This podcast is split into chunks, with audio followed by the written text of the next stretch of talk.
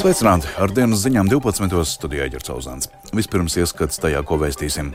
Krievijas dronu uzbrukumos Ukrainā vairāk nogalinātie to starp piecu cilvēku ģimene.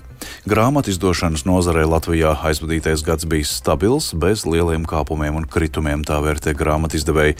Latviešu sportistiem ražīga aizvadītā diennakts, porziņiem viena no sezonas rezultatīvākajām spēlēm, Bendikai vēsturisks sasniegums pasaules čempionātā. Par šiem un citiem tematiem turpinājumā plašāk plašāk.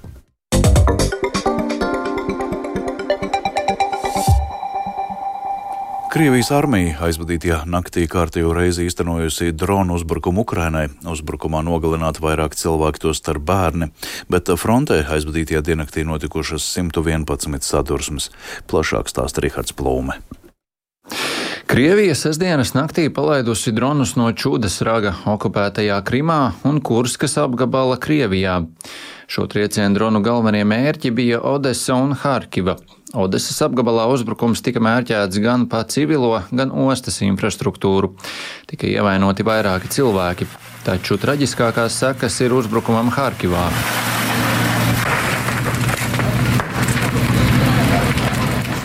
Tur tika trāpīts degvielas uzpildes stacijā, kā rezultātā izcēlās plašs ugunsgrēks, aizdegoties tūmā esošajām 15 privātmājām, kas galu galā arī nodegušas.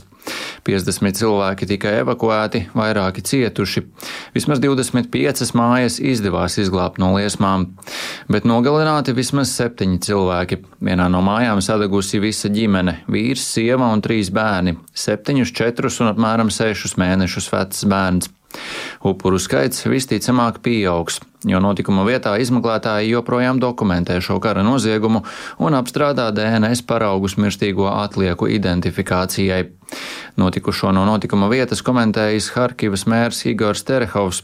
Viņš izteicās, ka trieciena rezultātā ugunsgrēkā nopostīta gandrīz puse ielas, un bez mājām palikušajiem pašvaldībā centīsies piedāvāt dzīves vietu.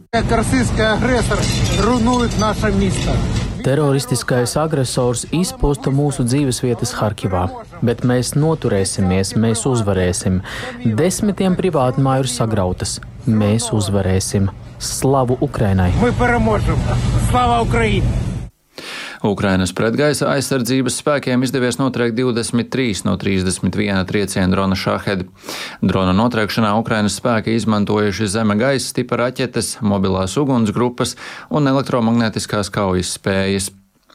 Bet Krievija turpina pastrādāt kara noziegumus ne tikai apšaudot civilo infrastruktūru. Noziegumi turpinās arī frontē. Sociālajos tīklos izplatīts video no Krievijas drona, kurā redzams, kā Krievijas militāra personas nogalina divus neapbruņotus Ukrainas kara gūstekņus, no kuriem viens iznācis ar paceltām rokām. Video redzamie notikumi fiksēti Bahmutas apkārtnē.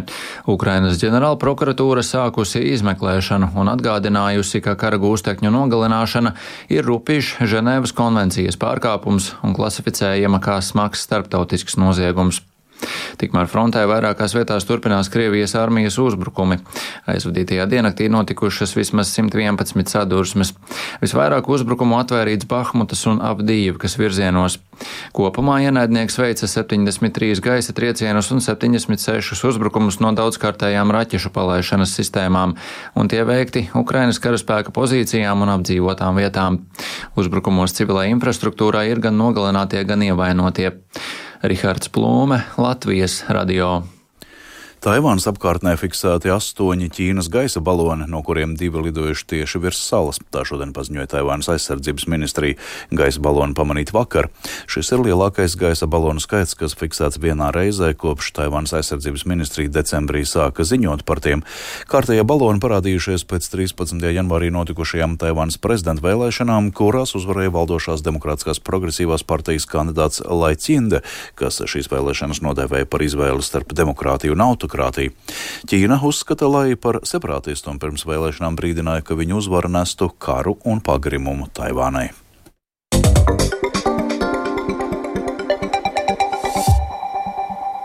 Grāmatu izdošanas nozarē aizvadītais gads bija stabils, bez lieliem kāpumiem un kritumiem, tā atzīst grāmatu izdevēja asociācijā.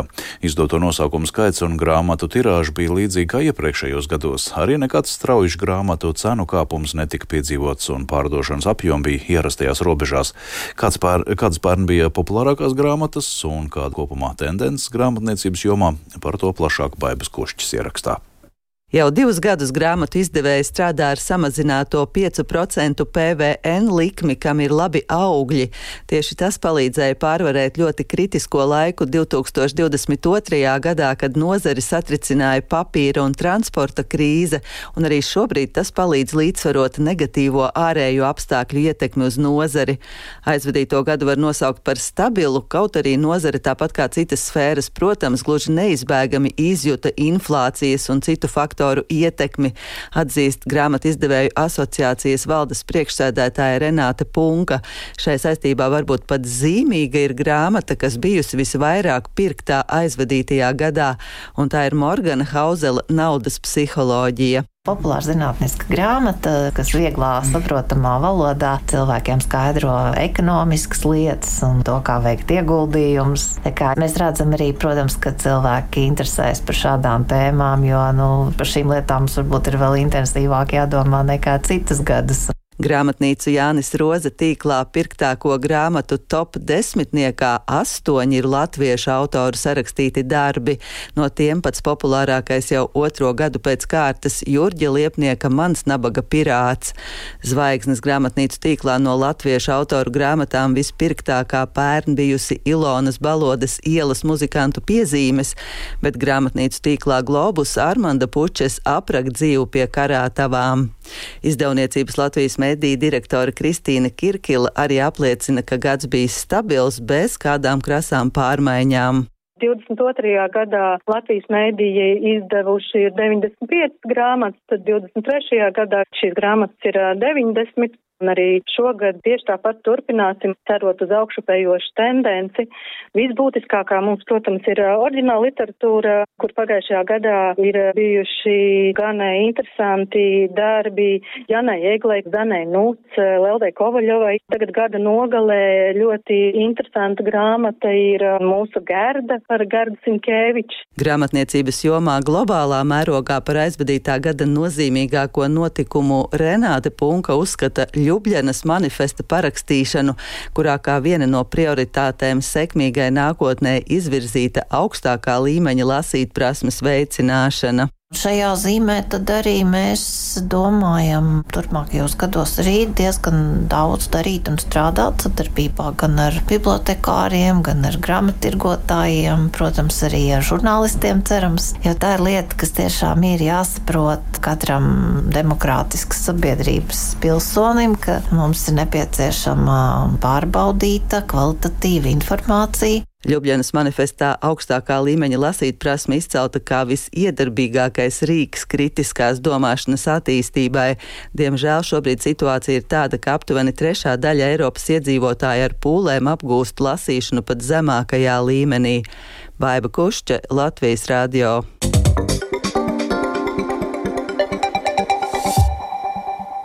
Un pievēršamies sportam. Kristaps Porziņš aizvadītajā naktī Nacionālajā basketbola asociācijā aizvadīja vienu no sezonas rezultatīvākajām spēlēm, uzstādīdams arī jaunu karjeras rekordu trāpītajos soda metienos, bet Latvijas labākā biatloniste Baiva Bendika vakar finišēja piektajā vietā, sasniedzot visu laiku labāko rezultātu Latvijas sieviešu biatlona vēsturē pasaules čempionātos. Par sporta notikumiem plašāk stāsta Rēnis Grunspeņķis. Porziņa pārstāvētā Bostonas Celtics veiksmīgi noslēgusi septiņu mājas spēļu sēriju ar 133-129 pārspēta Vašingtonas Wizards. Latviešu basketbolists pret savu bijušo komandu iemeta 34 punktus un izcīnīja 11 bumbas zem groziem. Porziņš trāpīja visus 14 soda metienus, kas ir jauns viņa karjeras rekords. Čehijas pilsētā Nove Mesto turpinās pasaules čempionāts Bietlonā. Baiba Bendika vakar 7,5 km sprintā sievietēm kļūdījās pēdējā šāvienā un finišēja augstajā piektajā vietā. Līdz medaļai Bendikai pietrūka 1,6 sekundes, bet no uzvarētājas francūzietes Žulijas Simonas viņa atpalika par 46,5 sekundēm. Jaundzimušā dēla Emīla veselības problēmu dēļ Bendika sagatavošanos pasaules čempionātam aizvedīja Latvijā, taču uz čempionātu Bendikas treneris un dzīvesbiedrs Ilmārs Brīcis kopā ar Emīlu ir ieradušies klātienē. Nē, ir gan Ilmārs, gan uh, Emīls ir uh, šeit, tā kā tas arī daudz palīdz un uh, mentāli ir uh, stipri vieglāk un uh, patīkamāk, ka viņš ir blakus jau mājās trenējoties, un arī pēdējos kausos es jūtu, ka forma ir ļoti, ļoti laba, un mēs esam ieguldījuši un izdarījuši ļoti kvalitatīvu darbu. Tāpēc, jā, braucot uz šejieni par formu, bija pārliecība, ka ir jābūt labi. Šovakar pulksten 18.05. 10 km sprintu aizvedīs arī vīrieši. Ar 16. starta numuru distancē dosies Andrejs Rastorgujevs, 44. numurs Renāram Birkentālam, bet 77. Edgaram Misem. Tiešraidē sacensības varēs vērot kanālā LTV 7. Savukārt Latvijas Nacionālā sporta padome vakar apstiprināja šī gada valsts budžeta sadalījumu sportam vairāk nekā 51 miljona eiro apmērā. Kopējā dotācija sporta federācijām šogad ir 6,67 miljoni eiro. No 15 prioritārajām sporta federācijām lielāko finansējumu saņems Futbola federācija un Vieglatlētikas savienība. Vairākas sporta federācijas un Latvijas Olimpiskā komiteja iepriekš gan sūdzējās par valsts finansējumu kavēšanos. Tomēr nākamajā gadā finansējumu plānots piešķirt jau janvārī. Turpina LOG ģenerālsekretārs Kārlis Leinieks. Sēde notika, pēc būtības lēmumi tika pieņemti, nu, vai ar mums runāja. Nu, to mēs arī pirms tam esam teikuši, ka īsti nē, bet nu, kā, nu, mēs virzamies uz priekšu. Mūsu galvenā atbildība, kas saistās ar Olimpiskajām spēlēm un, un mūsu sportistu nogādāšanu tur uz vietas, tā ir ņemta vērā. Lai mainītos procesi, kā tas notiekās, tas prasa papildus ieguldījumu. Un tāpēc arī ir šī aizkavēšanās Mūsu vienīgā bažas, kas bija, kad eh, mēs līdz šodienas pēcpusdienā nezinājām neko. Nu, tagad mēs zinām. Šodien neierasts notikums gaidāms Latvijas-Igaunijas basketbola līgā, jo savu debiju profesionālajā basketbolā piedzīvos pazīstamais pludmales volejbolists Aleksandrs Samoilovs. Viņš pievienojies nesen dibinātajai Rīgas zēļu komandai, kas šovakar pulksten septiņos arēnā Rīga tiksies ar Igaunijas klubu Vīmsī. Tā būs viena no piecām šodien plānotajām spēlēm Latvijas-Igaunijas līgā. Reinis Grunspēņķis, Latvijas radio. Kultūras un tautas mākslas centrā Ritums atklāta latviešu tradicionālo masku izstāde Masku skapis. Ar izstādes atklāšanu atklāts arī starptautiskais masku tradīciju festivāls, kas šogad tiek rīkots Viļānos. Par izstādi plašāk stāsta Latvijas Universitātes filozofijas un socioloģijas institūta vadošā pētniece Aida Rancāne.